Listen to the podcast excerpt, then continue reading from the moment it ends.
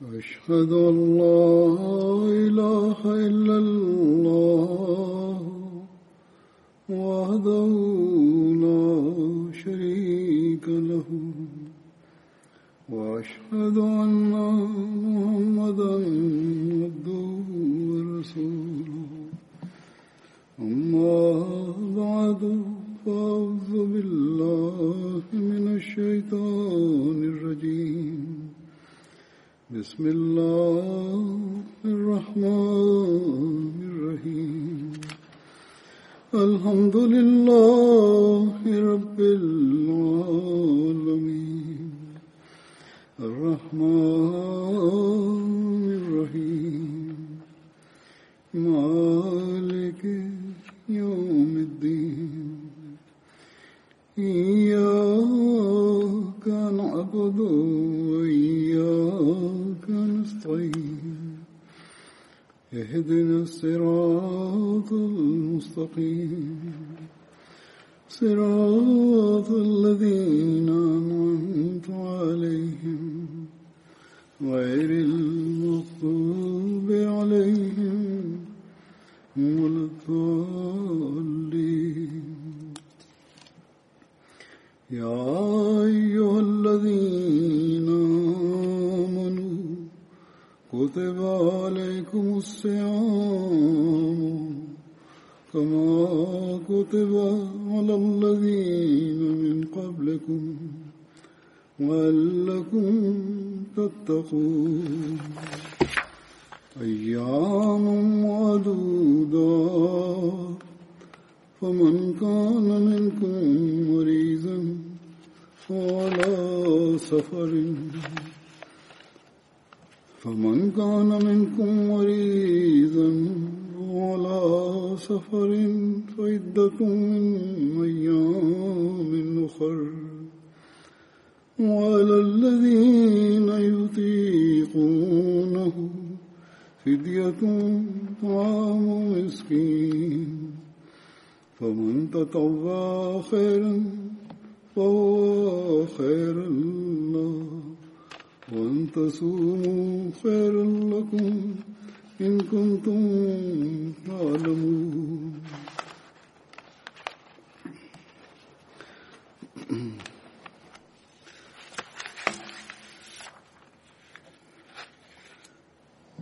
شهر شهر رمضان الذي أنزل فيه القرآن.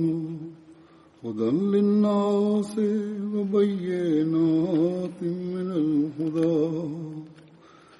هدى للناس وبينات من الهدى والفرقان.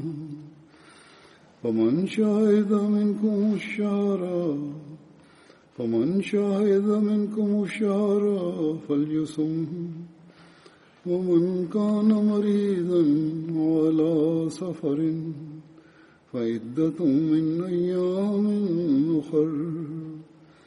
يريد الله بكم اليسر ولا يريد بكم العسر. ولتكملوا العدة ولتكملوا ولتكملوا العدة ولتكبروا الله على ما هداكم.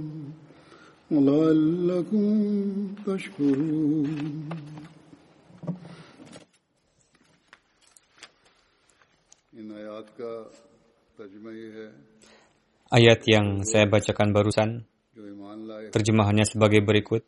Hai orang-orang yang beriman, diwajibkan atasmu berpuasa, sebagaimana telah diwajibkan atas orang-orang sebelummu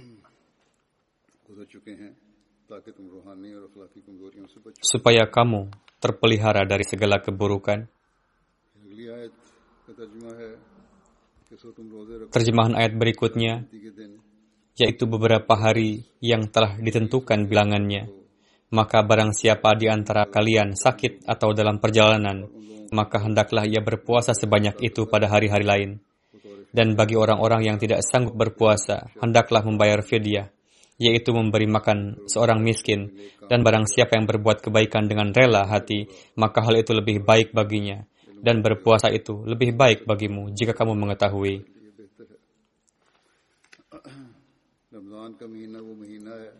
Bulan Ramadan adalah bulan yang di dalamnya Al-Quran diturunkan sebagai petunjuk bagi manusia dan keterangan-keterangan yang nyata mengenai petunjuk dan furkan.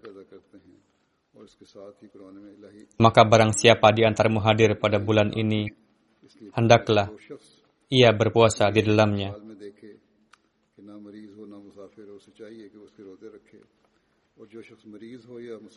Tetapi barang siapa sakit atau dalam perjalanan, maka berpuasalah sebanyak bilangan itu pada hari-hari lain. Allah menghendaki kemudahan bagimu, dan dia tidak menghendaki kesukaran bagimu. Dia menghendaki supaya kamu menyempurnakan bilangan itu dan supaya kamu mengagungkan Allah karena Dia telah memberi petunjuk kepadamu dan supaya kamu bersyukur.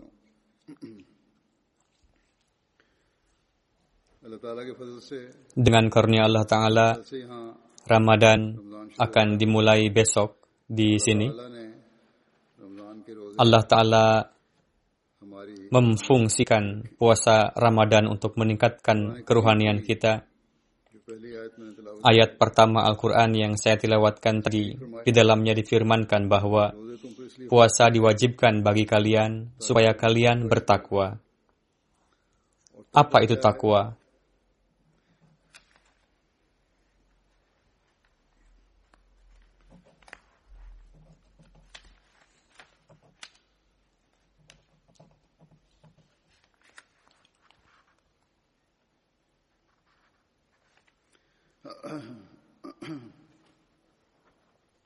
Apa itu takwa? Dalam menjelaskan hal tersebut, Hadrat Masih Maud salam bersabda dalam satu kesempatan, Ketakwaan adalah di mana manusia sebisa mungkin memenuhi segenap amanat dan janji keimanannya kepada Allah Ta'ala, begitu juga segenap amanat dan janji kepada makhluk, yakni sebisa mungkin mengamalkan sampai kepada sisi yang sekecil-kecilnya. Maksudnya, memperhatikan sisi sehalus-halusnya dari segenap amanat dan janji, lalu memenuhinya dengan penuh konsisten. Ini bukanlah amalan yang mudah. Apa itu hukukullah dan hukul ibad? Jika daftarnya dibuatkan, maka akan membuat manusia khawatir. Hak ibadah kepada Allah Ta'ala merupakan hak yang tidak dapat kita penuhi. Sedemikian rupa banyaknya ihsan Allah Ta'ala atas kita. Hal itu menuntut hak dari kita untuk mensyukurinya. Hak untuk disyukuri itu tidak kita penuhi dan tidak juga dapat memenuhinya. Kebanyakan manusia terus mengambil manfaat dari nikmat-nikmat Allah Ta'ala tanpa disertai rasa syukur. Manusia berpikir bahwa nikmat itu merupakan haknya, padahal itu merupakan ihsan Allah Ta'ala, yang mana meskipun kondisi kita yang tidak bersyukur, namun Allah Ta'ala tetap menganugerahkannya. Janji yang kita panjatkan kepada Allah Ta'ala, itu pun tidak kita penuhi, hak-hak makhluk, orang tua, hak-hak tetangga, musafir, hak masyarakat pada umumnya yang tidak kita penuhi. Padahal diperintahkan kepada kita untuk memenuhinya. Namun kita tidak memenuhi haknya. Alhasil, kita tidak memenuhi hak-hak Allah Ta'ala jika kita menganalisa secara mendalam hak makhluk pun tidak kita penuhi. Saya telah membuat daftar umum yang di dalamnya terdapat hak-hak yang besar, yakni hak Tuhan dan hambanya. Lebih kurang jumlahnya menjadi 28 sampai atau 29. Alhasil, Hadrat Masih Maud Islam bersabda, keimanan sebenarnya dan ketakwaan menuntut supaya kita memenuhi janji yang telah kita panjatkan kepada Allah Ta'ala. Timbulkanlah ketakwaan sampai yang sehalus-halusnya. Penuhilah juga hak amanatnya sampai ke kedalamannya. Begitu juga, penuhi janji kepada makhluk sampai sehalus-halusnya. Demikian juga amanatnya. Dengan begitu, dapat dikatakan bahwa ketakwaan ada di dalam diri kita. Allah Ta'ala berfirman, bulan Ramadan datang dan kalian ditekankan untuk berpuasa, bertujuan supaya kelalaian dan kekurangan dalam pemenuhan hak tersebut selama 11 bulan. Penuhilah pada bulan ini dengan menaruh perhatian kepada Allah Ta'ala, disertai ketulusan, sembari meninggalkan segala sesuatu yang diperbolehkan demi Allah Ta'ala dan bersabar menghadapi rasa lapar dan dahaga, menaruh perhatian terhadap ibadah kepada Allah Ta'ala lebih dari sebelumnya, dan secara khusus memberikan perhatian pada pemenuhan hak hambanya. Jika kalian mengamalkan hal itu, maka itulah yang disebut takwa. Dan inilah yang merupakan tujuan dari Ramadan dan puasa. Jika manusia berpuasa disertai dengan niatan dan bertujuan untuk meraih hal itu, lalu melewati Ramadan dengan niatan baik, maka perubahan yang tercipta sifatnya tidaklah sementara, melainkan abadi. Kemudian akan timbul perhatian abadi pada pemenuhan hak-hak Allah Ta'ala, akan timbul perhatian abadi pada pemenuhan hak-hak ibadah juga. Kesibukan dunia dan hal-hal yang lago tidak akan menguasainya. Dan akan timbul perhatian secara umum untuk pemenuhan hak-hak manusia tidak akan merampas hak sesama demi keuntungan pribadi. Jika kita tidak masuk ke dalam bulan puasa ini dengan niat dan iradah seperti itu, maka masuknya kita ke dalam bulan puasa tidak ada manfaatnya. Pada satu kesempatan, Hadrat Rasulullah Sallallahu Alaihi Wasallam pernah bersabda, "Barang siapa yang berpuasa dengan mengharapkan karunia-Nya,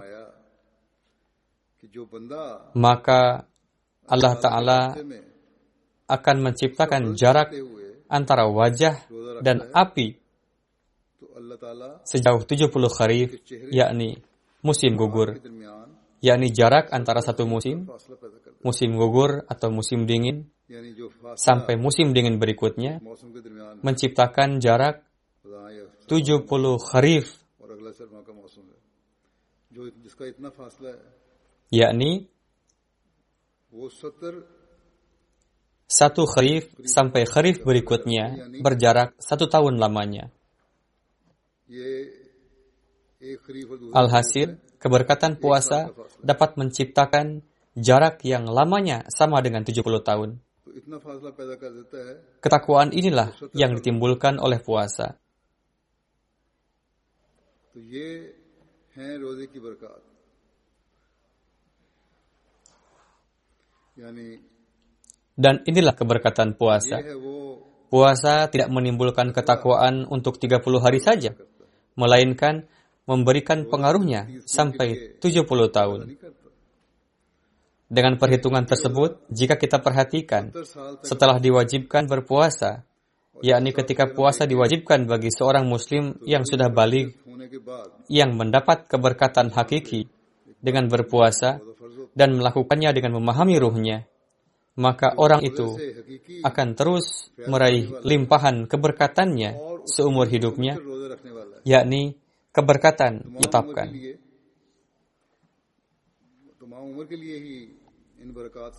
Ia akan terus mencari jalan untuk meraih ketakwaan yang merupakan tujuan dari puasa. Dengan begitu, ia akan terhindar dari murka ilahi dan akan menjadi peraih keridaan Allah Ta'ala.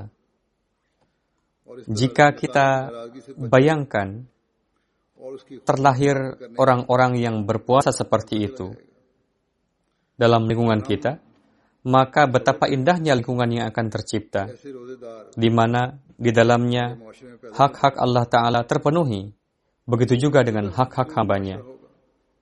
Inilah lingkungan indah yang mana setiap mukmin berkeinginan untuk menciptakannya. Bahkan setiap manusia berupaya untuk menegakkan lingkungan tersebut sejauh berurusan dengan hak-haknya sendiri. Namun, seperti yang saya katakan, pada umumnya berkaitan dengan hak-hak manusia. Manusia menyukai untuk dirinya sendiri, sedangkan untuk hak orang lain tidak terfikir olehnya. Namun Islam mengajarkan bahwa kalian pun harus menciptakan suasana lingkungan seperti ini bagi orang lain. Jangan hanya memperhatikan kemaslahatan dan keuntungan dan hak-hak pribadi saja, bahkan kalian pun harus melindungi dan peduli pada hak-hak orang lain. Wabah virus yang merebak akhir-akhir ini telah membuat orang-orang terkurung di rumah berdasarkan peraturan pemerintah. Dalam hal ini, tengah tercipta satu sisi positif dalam jemaat, begitu juga pada beberapa tempat. Orang-orang pun merasakan hal itu, namun secara khusus di kalangan jemaat timbul perhatian akan hal itu di berbagai negara di dunia di bawah pengaturan Khudamul Ahmadiyah. Para sukarelawan memberikan bantuan kepada mereka yang membutuhkan untuk menyampaikan bantuan yang diperlukan dan juga obat-obatan. Mereka tengah menampilkan teladan dalam memenuhi hak yang mana tidak hanya intern kita, mendapatkan manfaat karenanya, bahkan ekstern juga merasakan manfaatnya dan mereka terkesan. Pemikiran yang muncul akhir-akhir ini hendaknya terus tertanam dalam diri kita dalam rangka mengkhidmati kemanusiaan. Bukan hanya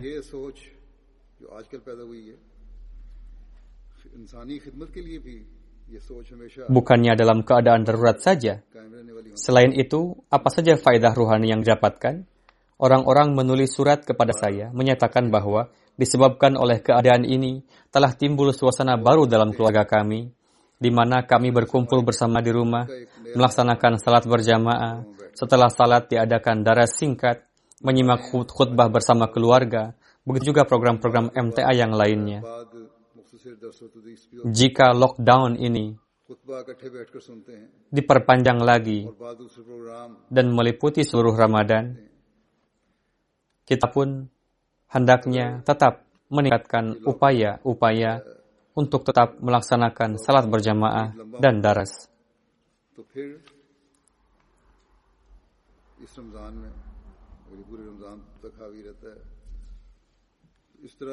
Ajarkanlah hal-hal mendasar kepada anak-anak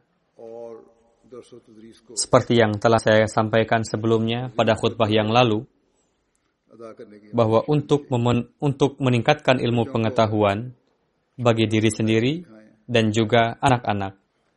Berikanlah perhatian pada doa-doa dan secara khusus mintalah rahmat ilahi bagi diri sendiri dan juga bagi dunia.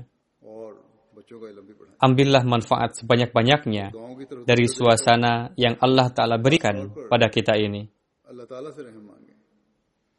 suasana yang diciptakan oleh wabah ini di rumah-rumah kita, seperti yang saya katakan, hendaknya menarik perhatian kita untuk lebih baik lagi.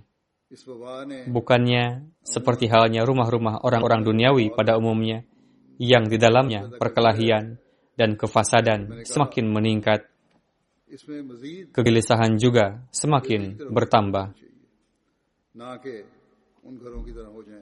Dalam lingkungan yang baik, disebabkan oleh kebaikan yang ditekankan kepada kita untuk melakukannya, lingkungan kita seharusnya lebih baik lagi.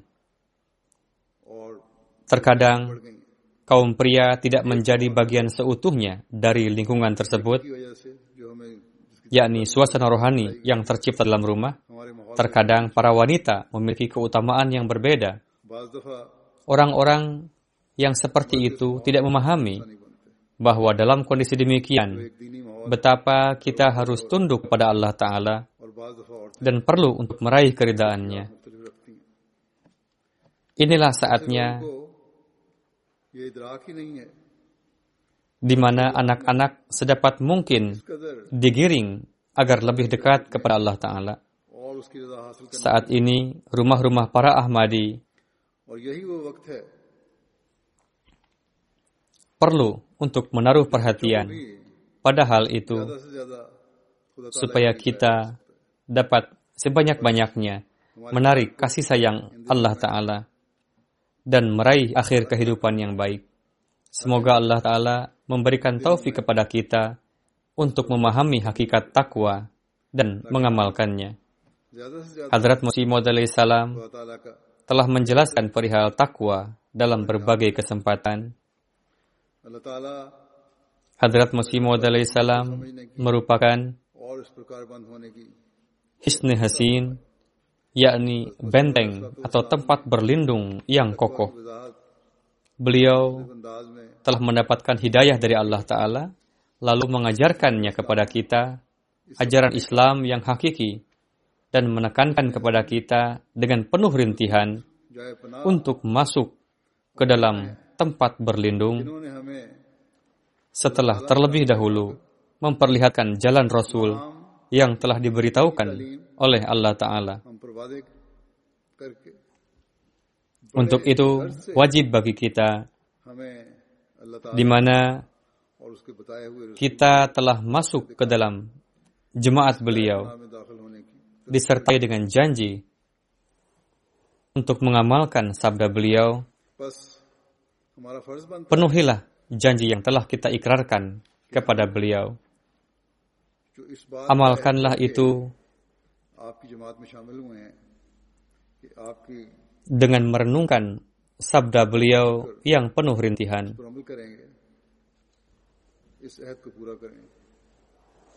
Sehingga selain kita menjadi orang yang memenuhi janjinya, kita pun akan menjadi orang-orang yang menata kehidupan dunia dan akhirat.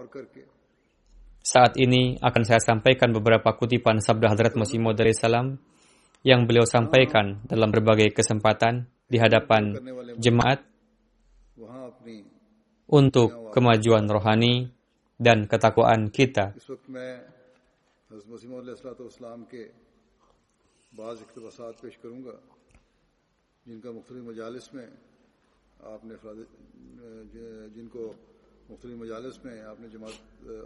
dalam menjelaskan berkenaan dengan apa itu takwa dan bagaimana cara untuk meraihnya. Hadrat Masih Maud salam bersabda, Hal yang penting adalah pertama-tama hendaknya difahami apa itu takwa dan bagaimana ketakwaan dapat diraih. Ketakwaan diraih dengan menghindari keburukan sampai yang sekecil-kecilnya. Caranya adalah manusia melakukan upaya sehingga tidak sampai pada penghujung dosa. Dan janganlah upaya semata dianggap cukup, melainkan panjatkanlah doa yang menjadi haknya, yakni ketika duduk, sujud, ruku, berdiri, dan dalam tahajud juga dengan merintih. Alhasil, dalam berbagai kondisi dan waktu, sibukkanlah dengan fikiran tersebut dan doa, yakni semoga Allah Ta'ala menyelamatkan dari dosa-dosa dan kekotoran maksiat. Tidak ada nikmat yang lebih dari itu, yakni di mana manusia terjaga dan maksum dari dosa dan maksiat dan dinyatakan benar dan sadik dalam pandangan Allah Ta'ala. Namun nikmat ini tidaklah dapat diraih dengan hanya upaya semata atau doa semata melainkan dapat diraih dengan penyatuan sempurna antara dua hal tersebut, yakni upaya dan doa.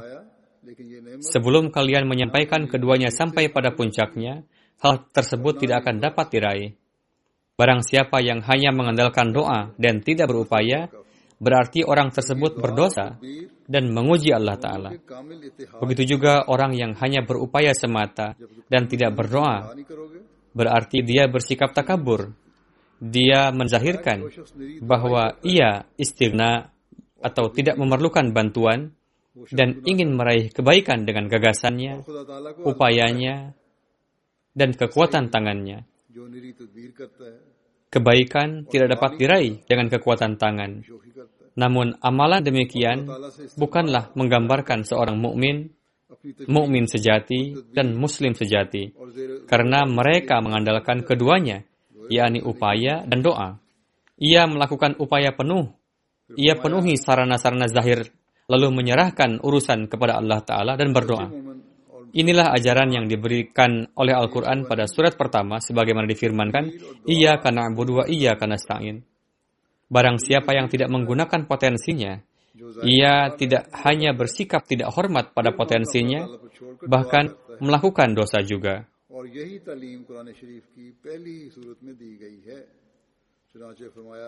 Kemudian penjelasan lebih lanjut sebagai berikut.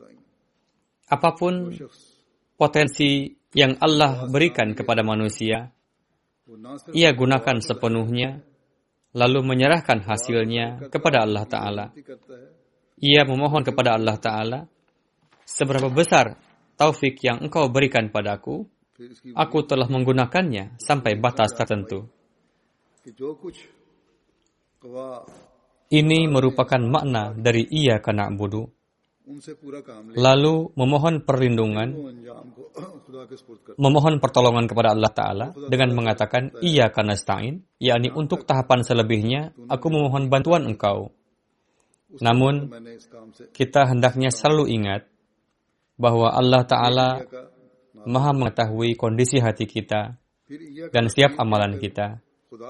Untuk itu, Sampaikanlah usaha kita sampai pada puncaknya sebatas taufik yang dimiliki. Upayakanlah sesuai itu. Selanjutnya manusia dapat memohon bantuannya. Dalam hal ini pun perlu bagi kita untuk meneliti jiwa kita. Lihatlah apakah kita menempuh ketakwaan ataukah tidak. Beliau alaihissalam bersabda, tidak diragukan lagi bahwa terkadang manusia mengambil faedah dari upaya, namun hanya yakin sepenuhnya pada upaya, merupakan kebodohan yang sangat. Sebelum upaya disertai dengan doa, tidak ada artinya. Begitu juga sebaliknya. Akses jendela yang darinya dapat muncul maksiat Pertama-tama adalah perlu untuk terlebih dulu menutup jendela tersebut, kemudian lubang atau tempat yang darinya dosa dapat muncul, yakni sesuatu yang menjadi penyebab timbulnya dosa, yakni dosa atas ketidaktaatan, menjauh dari agama, pertama-tama adalah perlu untuk menghilangkan faktor tersebut. Bersabda, tutuplah jendela tersebut, lalu teruslah berdoa untuk jiwa yang tarik-menarik. Untuk itulah dikatakan, وَالَّذِينَ جَاهَدُوا fina لَنَهْدِيَنَّهُمْ سُبُلَنَا Dalam ayat tersebut, begitu rupa ditekankan untuk melakukan upaya. Dalam upaya pun, janganlah lepaskan Tuhan. Di sisi lain difirmankan, Udu'uni astajib lakum. Jika manusia memohon ketakwaan sepenuhnya, maka berupayalah dan berdoa. Amalkanlah hak untuk mengamalkan keduanya. Dalam kondisi demikian, Allah Ta'ala akan mengasihinya. Namun jika hanya mengamalkan satu dan meninggalkan yang lainnya, maka akan luput. Menjelaskan lebih lanjut, Hadrat Masih Maud Islam bersabda, Jadi, dengan cara demikian, manusia dapat teguh di atas ketakwaan, yakni dengan upaya dan doa. Takwallah merupakan akar dari setiap amalan. Amalan apa yang membuat manusia teguh di atas ketakwaan? Yakni, seperti yang telah dikatakan sebelumnya, dengan upaya dan disertai dengan doa. Barang siapa yang kosong darinya, maka ia adalah fasik. Perhiasan amalan terlahir dari takwa.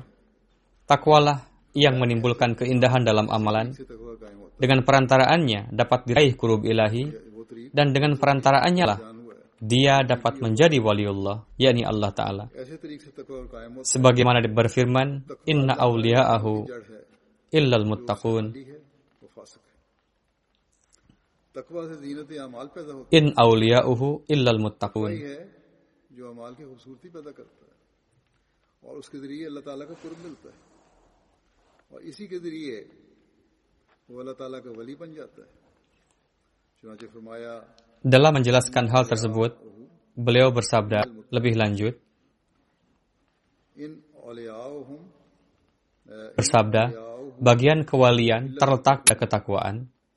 Jika kalian takut kepada Allah Ta'ala, lalu meraihnya, maka kalian akan sampai pada kesempurnaan. Jika ingin menjadi wali Allah, इसी की वज- dapat diraih dengan ketakwaan jika rasa takut kepada Allah Ta'ala ada dalam hati, maka manusia dapat sampai pada kesempurnaan. Hadrat Akdas Musimu dari Islam bersabda, ketika sudah seutuhnya tidak tersisa tahapan ketakwaan, maka selanjutnya manusia memasuki golongan waliullah. Pada hakikatnya, pada derajatnya, yang sempurna, ketakwaan merupakan suatu maut. Karena ketika manusia menentang segenap sisi jiwa, maka jiwa akan mati. Karena itulah dikatakan bahwa mutu qabla anta mutu. Bersabda, jika jika menyukai jiwa menyukai kelezatan zahir, ia sama sekali tidak mengetahui kelezatan yang tersembunyi, yakni kelezatan Allah Ta'ala kelezatan rohani tersembunyi. Manusia tidak mengenalnya. Ia mengenal gemerlap duniawi dan itu jugalah yang dua.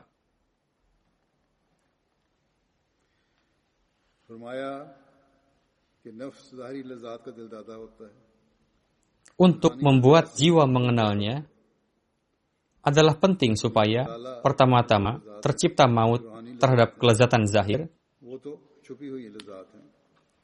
ان کو تو جانتا ہی نہیں۔ ظاہری دنیا کی چکا چوند ہے۔ انہیں کو انسان جانتا ہے۔ اور نفس انہیں کو چاہتا ہے۔ Dan selanjutnya akan mengenali kelezatan yang tersembunyi. نفس کو خبردار کرنے کے لیے فرمایا کہ اسے خبردار کرنے کے لیے ضروری ہے کہ اول ظاہری لذات پر ایک موت وارد۔ Saat itu akan mulai timbul kelezatan ilahi yang merupakan contoh dari kehidupan surgawi.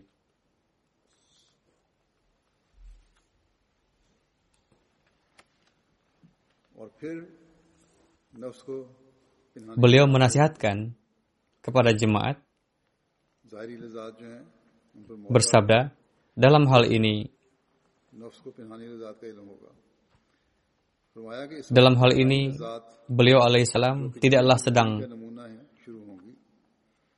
menasihatkan orang yang sudah sampai pada para waliullah atau yang sudah sampai pada tingkatan tinggi, melainkan pada anggota jemaat secara umum. Dan janganlah beranggapan bahwa untuk sampai pada makom tersebut menuntut satu makom yang khas yang tidak dapat ditempuh oleh setiap jiwa. Tidak. Dalam hal ini, beliau memberikan nasihat umum kepada jemaat Beliau bersabda, jemaat kita hendaknya menciptakan maut pada jiwa. Dan untuk meraih ketakwaan, pertama-tama berlatihlah sebagaimana seorang anak yang tengah belajar menulis. Mula-mula tulisannya miring-miring, namun pada akhirnya, setelah terus berlatih, anak tersebut tulisannya mulai jelas dan lurus. Begitu pula, mereka pun perlu berlatih. Ketika Allah Ta'ala melihat kegigihannya, Allah Ta'ala sendiri akan mengasihinya. Dan ini telah dijelaskan sebelum ini pada kalimat walladzina jahru fina. Maksud dari mujahadah adalah latihan. Jika manusia berupaya lalu berdoa kepada Allah Ta'ala, maka Tuhan akan mengasihinya dan memberikan buah padanya. Yang dimaksud mujahadah di sini adalah latihan. Sebagaimana seorang anak terus berlatih, di satu sisi manusia berdoa dan disertai dengan upaya yang kamil, maka pada akhirnya karunia Tuhan akan datang padanya. Gejolak hawa nafsu menjadi tenggelam dan dingin, kemudian kondisinya layaknya api yang disiram air. Banyak sekali manusia yang terdampar dalam nafsu amarah. Selanjutnya, beliau alaihissalam bersabda, dalam rangka islah bagi intern jemaat, saya perhatikan kadang terjadi perselisihan di kalangan intern jemaat, berseteru satu sama lain, terjadi kerenggangan, bahkan perselisihan sepele pun kadang menyebabkan saling menyerang kehormatan satu sama lain dan menyerang saudaranya. Perbuatan seperti ini sangat tidak disesuai. Seharusnya tidak terjadi. Bahkan wajar-wajar saja jika salah seorang di antara mereka mengakui kesalahannya. Beliau bersabda, disebabkan oleh hal sepele saja, ada sebagian orang yang saling menghina satu sama lain terus berhenti untuk menyerangnya.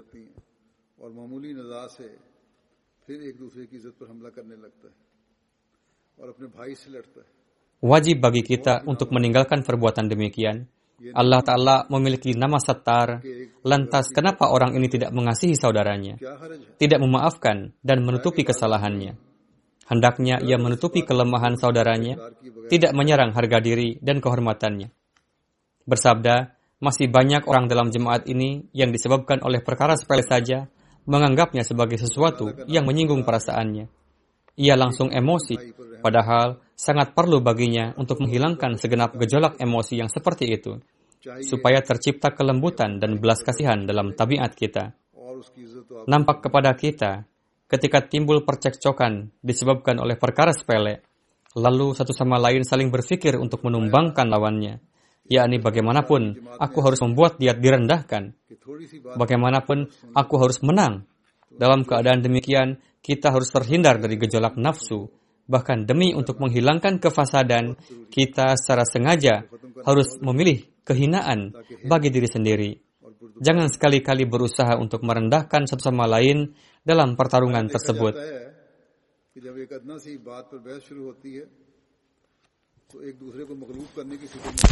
Beliau bersabda, merupakan akar ketakaburan dan penyakit di mana kesalahan orang lain disimpan erat lalu dibeberkan.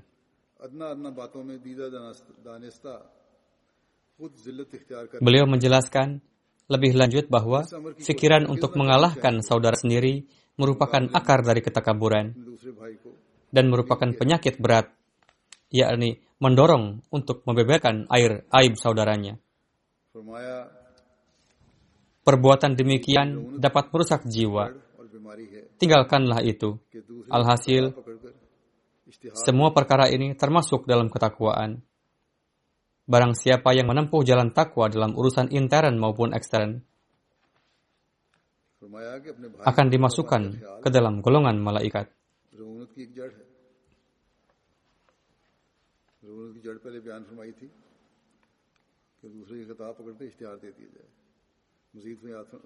Alhasil, semua perkara ini termasuk dalam ketakwaan. Barang siapa yang menempuh jalan takwa dalam urusan intern maupun ekstern, akan dimasukkan ke dalam golongan malaikat. Karena di dalam dirinya tidak tersisa lagi pembangkangan. Raihlah ketakwaan, karena keberkatan Allah Ta'ala muncul setelah adanya ketakwaan seorang mutaki akan dihindarkan dari berbagai bala dunia. Allah Ta'ala akan menutupi kelemahannya. Sebelum cara-cara ini ditempuh, tidak akan meraih manfaat. Orang yang seperti itu tidak akan dapat meraih faidah dari bayat padaku. Beliau bersabda, ikrar bayat secara lisan saja tidak ada artinya. Allah Ta'ala mengharapkan tazkiyah nafs, yakni pensucian jiwa.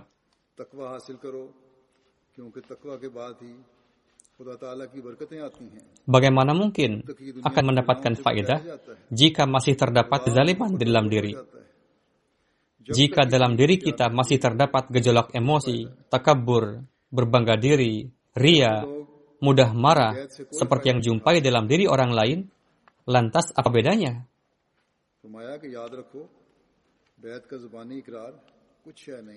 Menjelaskan lebih lanjut, beliau bersabda, untuk itu ciptakanlah perubahan dalam jiwa, raihlah teladan luhur akhlak. Jika dalam suatu lingkungan masyarakat terdapat satu orang yang baik seperti itu, maka orang lain akan terpengaruh dengan orang baik tersebut layaknya karomah. Jika ada orang baik, berfitrat baik, memberikan manfaat bagi orang lain, dapat mengontrol emosinya, bersikap rendah hati, maka orang lain akan terpengaruh olehnya seperti karomah. Ini pun merupakan satu sarana tabligh. Seorang saleh yang menempuh kebaikan dengan disertai rasa takut kepada Allah Ta'ala, dalam diri orang seperti itu terdapat ru'u berabbani dan akan membekas ke dalam hati bahwa orang ini adalah orang yang saleh yakni bagaimanapun permusuhan orang lain terhadapnya, secara perlahan-lahan dengan sendirinya, orang-orang yang memusuhinya itu akan mengikutinya, dan alih-alih membenci, mereka akan mulai memuliakannya. Bersabda, sama sekali benar bahwa orang yang datang dari Allah Ta'ala, Allah Ta'ala memberikan bagian padanya dari kemuliaannya. Dan ini merupakan orang-orang yang beruntung. Ingatlah bahwa menyakiti saudara untuk hal-hal yang sepele tidaklah benar. Hadrat Rasulullah SAW merupakan kumpulan segenap akhlak mulia. Dan saat ini, Allah Ta'ala telah menegakkan akhlak beliau sebagai teladan terakhir atau sempurna.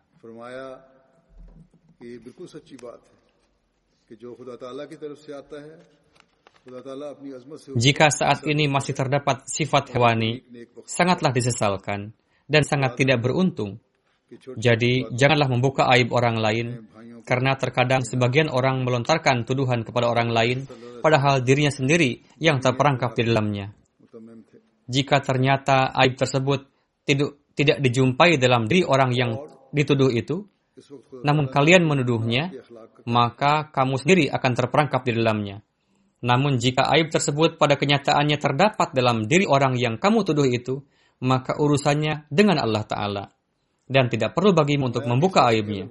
Jika benar adanya, biar jika benar adanya, biarlah urusannya dengan Allah Ta'ala. Namun jika tidak benar, maka tuduhan itu dapat berbalik pada dirimu sendiri. Bersabda, banyak sekali kebiasaan manusia yang melontarkan tuduhan kotor kepada saudaranya, maka jauhilah perbuatan itu. Berikanlah manfaat pada umat manusia bersimpatilah kepada saudara sendiri, perlakukanlah tetangga dengan baik, perlakukanlah istri dengan baik, terutama jauhilah syirik, karena ini merupakan pondasi awal untuk menapaki ketakwaan. Kemudian beliau alaihissalam bersabda, arti dari takwa adalah menghindarkan diri dari jalan-jalan halus keburukan. Namun ingatlah, kebaikan tidak hanya sampai sebatas seseorang mengatakan bahwa saya ini orang baik karena saya tidak mengambil harta orang lain, tidak merampok, tidak mencuri, tidak melayangkan pandangan, tidak senonoh, dan tidak berzina. Kebaikan semacam ini dalam pandangan seorang yang bijaksana layak untuk ditertawakan. Karena jika seseorang melakukan keburukan-keburukan tadi, yakni mencuri, merampok, atau berzina, maka ia akan mendapatkan hukuman. Jadi, ini bukanlah suatu kebaikan yang patut dihargai dalam pandangan seorang yang bijak, melainkan kebaikan yang hakiki dan sejati adalah mengkhidmati manusia dan memperlihatkan ketulusan hati dan kesetiaan yang sempurna di jalan Allah Ta'ala dan siap untuk mengorbankan nyawa sekalipun di jalan Allah di jalannya. Oleh karena itu, difirmankan, Inna Allah ma'alladzina taqawwalladzina hum muhsinun yakni Allah Ta'ala bersama dengan orang-orang yang menghindarkan diri dari keburukan-keburukan dan seiring dengan itu juga melakukan kebaikan-kebaikan. Ingatlah dengan baik, hanya semata-mata menghindari keburukan bukanlah suatu hal yang istimewa selama tidak disertai dengan berbuat kebaikan. Kemudian bersabda, pahamilah sebaik-baiknya bahwa akar dari segala kesucian dan kebaikan adalah iman kepada Allah Ta'ala. Semakin lemah keimanan terhadap Allah, semakin didapati kelemahan dan kemalasan dalam amalan saleh. Namun ketika iman itu kuat, keimanan kepada Allah Ta'ala itu kokoh, maka amalan-amalan pun akan baik juga. Ketika keimanan kuat dan yakin dengan semua sifat-sifat Allah Ta'ala yang sempurna, maka dalam amalan-amalan manusia sedemikian rupa akan timbul perubahan dalam corak yang luar biasa. Jika timbul keyakinan yang sempurna terhadap sifat-sifat Allah Ta'ala, maka akan timbul suatu perubahan yang luar biasa dalam amalan-amalan manusia. Orang-orang yang memiliki keimanan kepada Allah Ta'ala tidak mungkin mampu berbuat dosa, karena keimanan ini akan memotong kekuatan-kekuatan nafsunya dan organ-organ dosa. Beliau bersabda, perhatikanlah, jika seseorang dicungkil matanya, maka bagaimana mungkin ia bisa melayangkan pandangan tidak senonoh dengan mata-matanya, dan bagaimana ia melakukan dosa dengan matanya, dan demikian pula jika tangan dipotong, maka kemudian dosa yang berkaitan dengan organ tubuh itu bagaimana mungkin bisa dilakukan. Demikian pula, beliau bersabda, persis seperti itulah ketika seorang manusia berada dalam kondisi nafsu mutmainnah, maka nafsu mutmainnah akan membutakannya dan pada matanya tidak ada lagi tersisa kekuatan untuk berbuat dosa. Ia melihat namun tidak melihat, yakni memang ia melihat namun tidak melihat dengan pandangan yang tidak senonoh karena pandangan yang berdosa dari mata telah direnggut. Ia memiliki telinga, namun tuli. Ia mendengar, namun tidak mendengarkan perkataan-perkataan yang salah, dan ia tidak bisa mendengar perkataan-perkataan yang mengandung dosa. Demikianlah, semua potensi-potensi nafsu dan syahwat, serta organ-organ batinnya dipotong. Seluruh potensi-potensi yang bisa mendatangkan dosa telah mengalami suatu maut, dan ia betul-betul menjadi seperti mayat. Ia hanya mengikuti keridaan Allah Ta'ala. Selain dari itu, selangkah pun ia tidak bisa melangkah. Ini adalah kondisi ketika terdapat keimanan yang sejati kepada Allah Ta'ala dan sebagai hasilnya, ia diberikan ketentraman yang sempurna. Beliau bersabda, ini adalah makom atau kedudukan yang hendaknya menjadi tujuan sebenarnya dari manusia. Kemudian, mengenai tujuan sebenarnya dari manusia tersebut, beliau alaihissalam bersabda, ditujukan kepada jemaat beliau, Jemaat kita memerlukan hal ini, dan untuk meraih ketentraman yang sempurna, diperlukan keimanan yang sempurna. Alhasil, kewajiban pertama dari jemaat kita adalah raihlah keimanan yang sejati kepada Allah Ta'ala. Kemudian beliau al-Islam bersabda, seseorang tidak akan menjadi suci selama Allah Ta'ala tidak mensucikannya. Ketika ruhnya tersungkur dengan penuh kehinaan dan kerendahan di hadapan singgasana Allah Ta'ala, maka Allah Ta'ala akan mengabulkan doanya dan ia menjadi tulus kepadanya. Dan pada saat itu, ia akan mampu memahami agama Hadrat Rasulullah SAW. Sedangkan yang lainnya, yang orang biasa sebut sebagai ibadah, sebagai agama, ibadah, dan lain sebagainya, yang mereka biasa kerjakan, itu hanyalah sebuah formalitas dan khayal-khayalan yang mereka dengar lalu laksanakan sebagai taklid terhadap bapak-bapak mereka, nenek-nenek moyang mereka, melakukan demikian, maka mereka pun melakukannya juga. Tidak ada hakikat dan kerohanian di dalamnya. Alhasil, inilah standar ketakwaan dan inilah standar untuk mengenal, memahami, dan mem mengamalkan agama yang ke arahnya Hazrat Masih Maud Islam telah menarik perhatian kita. Dan kita harus berusaha untuk meraihnya. Dan seiring dengan amalan-amalan kita, hendaknya kita bersujud dengan penuh kerendahan hati di hadapannya guna memohon pertolongannya. Semoga Allah Ta'ala memberikan taufik kepada kita untuk meraih standar-standar tersebut dan memenuhi harapan-harapan Hadrat Masih Maud salam. Inilah ketakwaan yang kemudian pada ayat selanjutnya dijelaskan mengenai rincian dari puasa. Ketakwaan inilah yang memberikan kepada kita taufik untuk menggunakan keringanan-keringanan dalam puasa dan menerapkannya dengan sebaik-baiknya. Allah Ta'ala telah menyerahkan ini pada kondisi kita masing-masing dengan syarat melaksanakannya dengan penuh ketakwaan. Jika tidak mampu untuk berpuasa atau menderita suatu penyakit yang karenanya menjadi sulit untuk menjalani puasa atau suatu penyakit yang mengenainya dokter menyarankan untuk tidak berpuasa, maka berikanlah fidyah. Namun janganlah mencari-cari alasan dan membuat pembenaran untuk membayar fidyah. Bahkan Allah, Allah Ta'ala berfirman, ketakwaan adalah penting ketika berbuat kebaikan.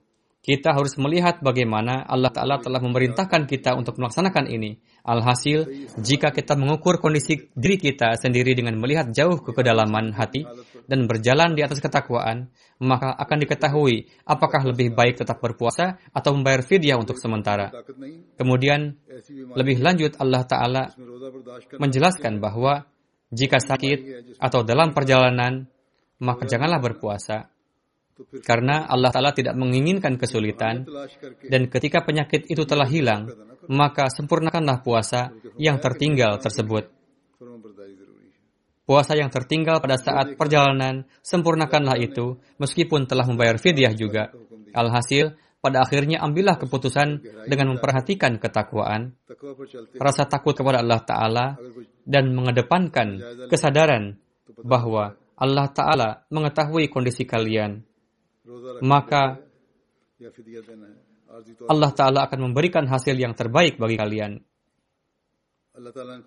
Hadrat Masih Maud Islam bersabda, Siapa saja yang merasa senang bahwa Ramadan yang ia tunggu-tunggu telah datang dan ia berniat untuk berpuasa, lalu dikarenakan sakit ia tidak berpuasa, maka di langit ia tidak mahrum dari puasa. Di dunia ini banyak orang yang mencari-cari alasan dan beranggapan bahwa sebagaimana kami menipu orang-orang di dunia ini, demikian jugalah kami akan menipu Allah Ta'ala. Kami telah berhasil menipu orang-orang di dunia. Demikian juga kami akan bisa menipu Allah Ta'ala. Mereka membuat-buat sendiri helah dan berpura-pura bahwa telah terjadi begini dan begitu, lalu menganggap itu sebagai alasan yang benar-benar untuk meninggalkan puasa. Namun dalam pandangan Allah Ta'ala, itu tidaklah benar. Terdapat banyak kemungkinan untuk mencari-cari alasan.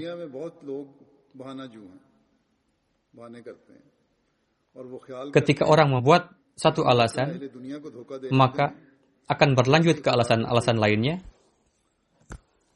Jika seseorang ingin menjadikan kepura-puraan itu sebagai alasan, maka sepanjang umur ia bisa salat sambil duduk dan sama sekali tidak melaksanakan puasa Ramadan. Namun Allah Ta'ala mengetahui niatnya.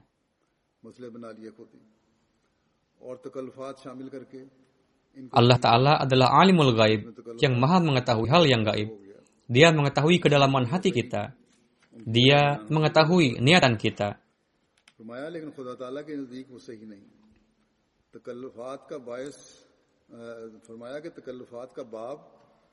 Lalu beliau bersabda, siapa saja yang memiliki ketulusan dan keikhlasan, maka Allah Ta'ala akan memperlakukannya sesuai dengan itu. Namun orang yang mencari-cari alasan, Allah Ta'ala maha mengetahui.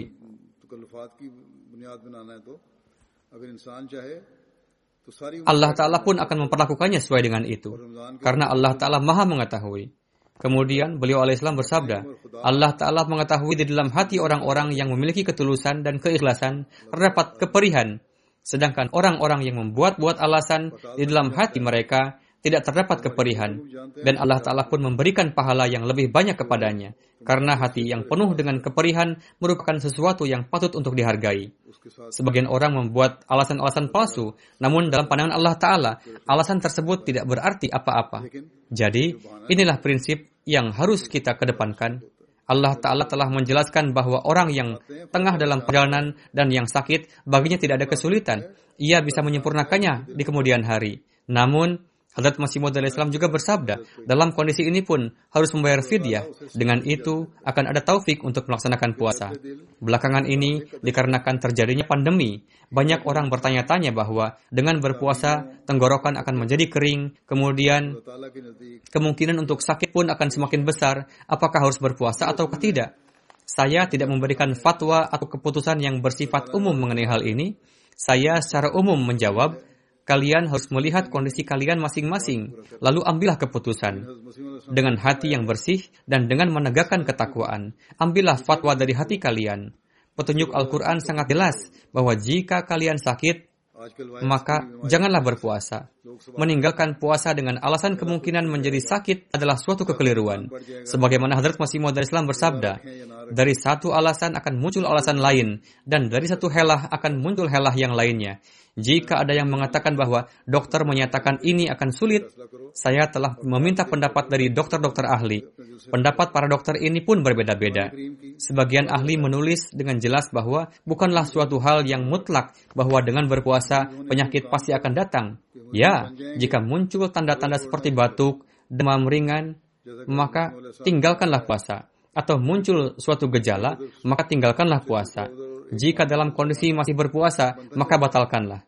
Para dokter yang cenderung berpendapat supaya tidak berpuasa pun, atau mereka memberikan persyaratan-persyaratan yang kesimpulan akhirnya adalah jangan berpuasa, akan lebih baik jika mereka mempunyai pandangan yang jelas mengenai hal ini. Mereka tidak memiliki alasan yang jelas mereka menakut-nakuti kita, namun secara bersamaan juga mengatakan, berpuasalah dengan memperhatikan gizi makanan. Lantas bagaimana dengan orang-orang miskin? Sejauh mana mereka bisa memperhatikan gizi? Walhasil, dengan memperhatikan berbagai pendapat yang berbeda, kesimpulannya adalah tidak ada kerugiannya tetap berpuasa. Ya, jika ada sedikit saja keraguan, maka segeralah tinggalkan puasa. Sebagian berpendapat bahwa orang yang di dalam rumahnya ada yang sakit, sekalipun ia sendiri sehat, hendaknya ia berpuasa. Ia pun jangan ber, hendaknya ia pun jangan berpuasa. Namun dokter lainnya berpendapat bahwa ini bukanlah alasan yang benar. Bagaimanapun, ketika kita berbuka puasa dan memulai puasa, kita harus minum air. Dan mereka yang lebih perhatian dengan dirinya dan juga mampu, mereka bisa memakan makanan yang bisa menahan air lebih lama di dalam tubuh. Ketika terdapat pen, terdapat perbedaan pendapat di kalangan para dokter, yang termasuk di dalamnya dokter dari Amerika, Jerman, dan UK juga, maka untuk meninggalkan puasa tanpa sebab, kita pun harus melihat jangan sampai ini termasuk ke dalam kategori yang mengenainya Hadrat Masih Maud Salam mengatakan, mereka mencari-cari alasan. Ya, berhati-hati adalah perlu. Kebutuhan air di tubuh sebagian orang pun sangat sedikit. Secara umum mereka tidak minum dalam kondisi puasa atau dalam kondisi umum pun mereka tidak minum.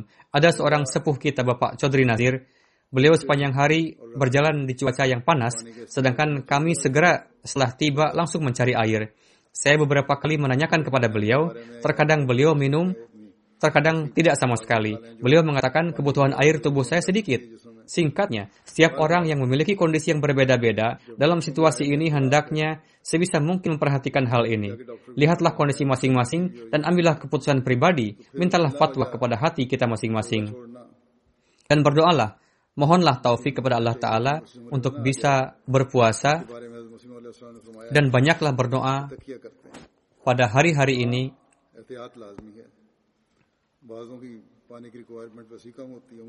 Semoga Allah Ta'ala memberikan akal kepada manusia. Semoga mereka mengenal wujud Allah Ta'ala. Semoga Allah Ta'ala segera mengakhiri wabah ini dari dunia, memberikan kasih sayangnya kepada dunia.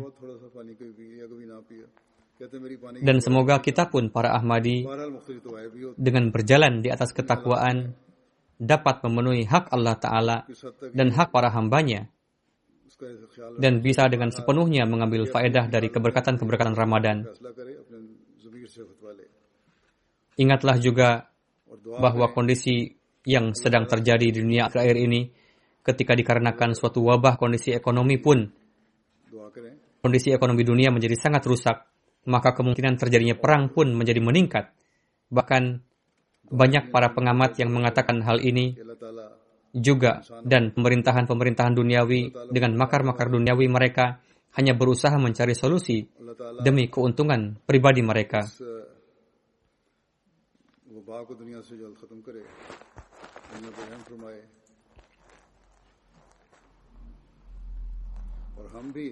Mereka berusaha mengalihkan perhatian rakyat mereka dan mengatakan hal-hal yang membawa mereka ke dalam kesulitan lebih jauh lagi.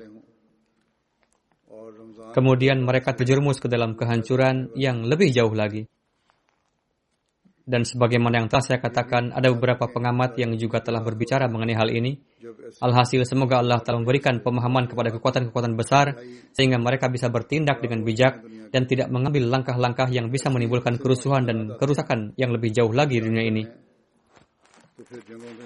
Saat ini surat-surat kabar secara terbuka memberitakan, demikian juga para pengamat menulis bahwa Amerika mengancam Iran, mereka juga menuduh Cina tidak memberikan informasi yang benar harus ada pengadilan untuk mereka, mereka harus diperlakukan seperti ini dan itu. Kami akan melakukan hal ini dan itu terhadap Iran. Singkatnya, pemerintah Amerika pun maupun pemerintah negara-negara lainnya harus bersikap bijak. Dalam kondisi seperti ini, alih-alih membawa dunia kepada kehancuran yang lebih jauh, dengan mengambil langkah yang keliru, dengan pemikiran yang tepat, lakukanlah perencanaan yang tepat, kembalilah kepada Allah Ta'ala, mohonlah pertolongan darinya, dan berdoalah untuk selamat dari wabah ini, dan berusahalah. Bantulah para ilmuwan yang tengah berusaha menemukan obat untuk penyakit ini. Semoga Allah Ta'ala memberikan taufik kepada kita untuk dapat berdoa dan memperbaiki situasi ini. Dan semoga Allah Ta'ala memberikan taufik kepada pemerintah, pemerintah besar dunia untuk membuat kebijakan-kebijakan dan program-program mereka ke depannya dengan kebijaksanaannya. Amin.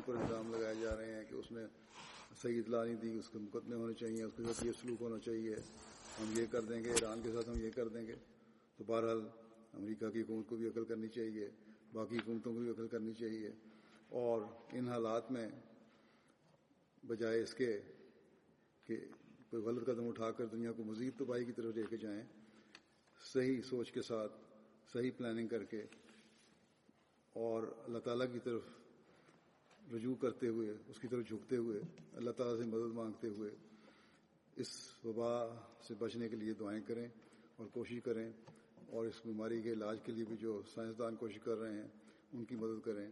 اللہ تعالیٰ ہمیں دعاؤں کی توفیق دے، اپنی حالتوں کو بہتر کرنے کی توفیق دے اور دنیا کو اور دنیاوی بڑی حکومتوں کو عقل سے اپنی پالیسیاں بنانے اور آئندہ کے لائے عمل بنانے کی توفیق عطا فرمائے۔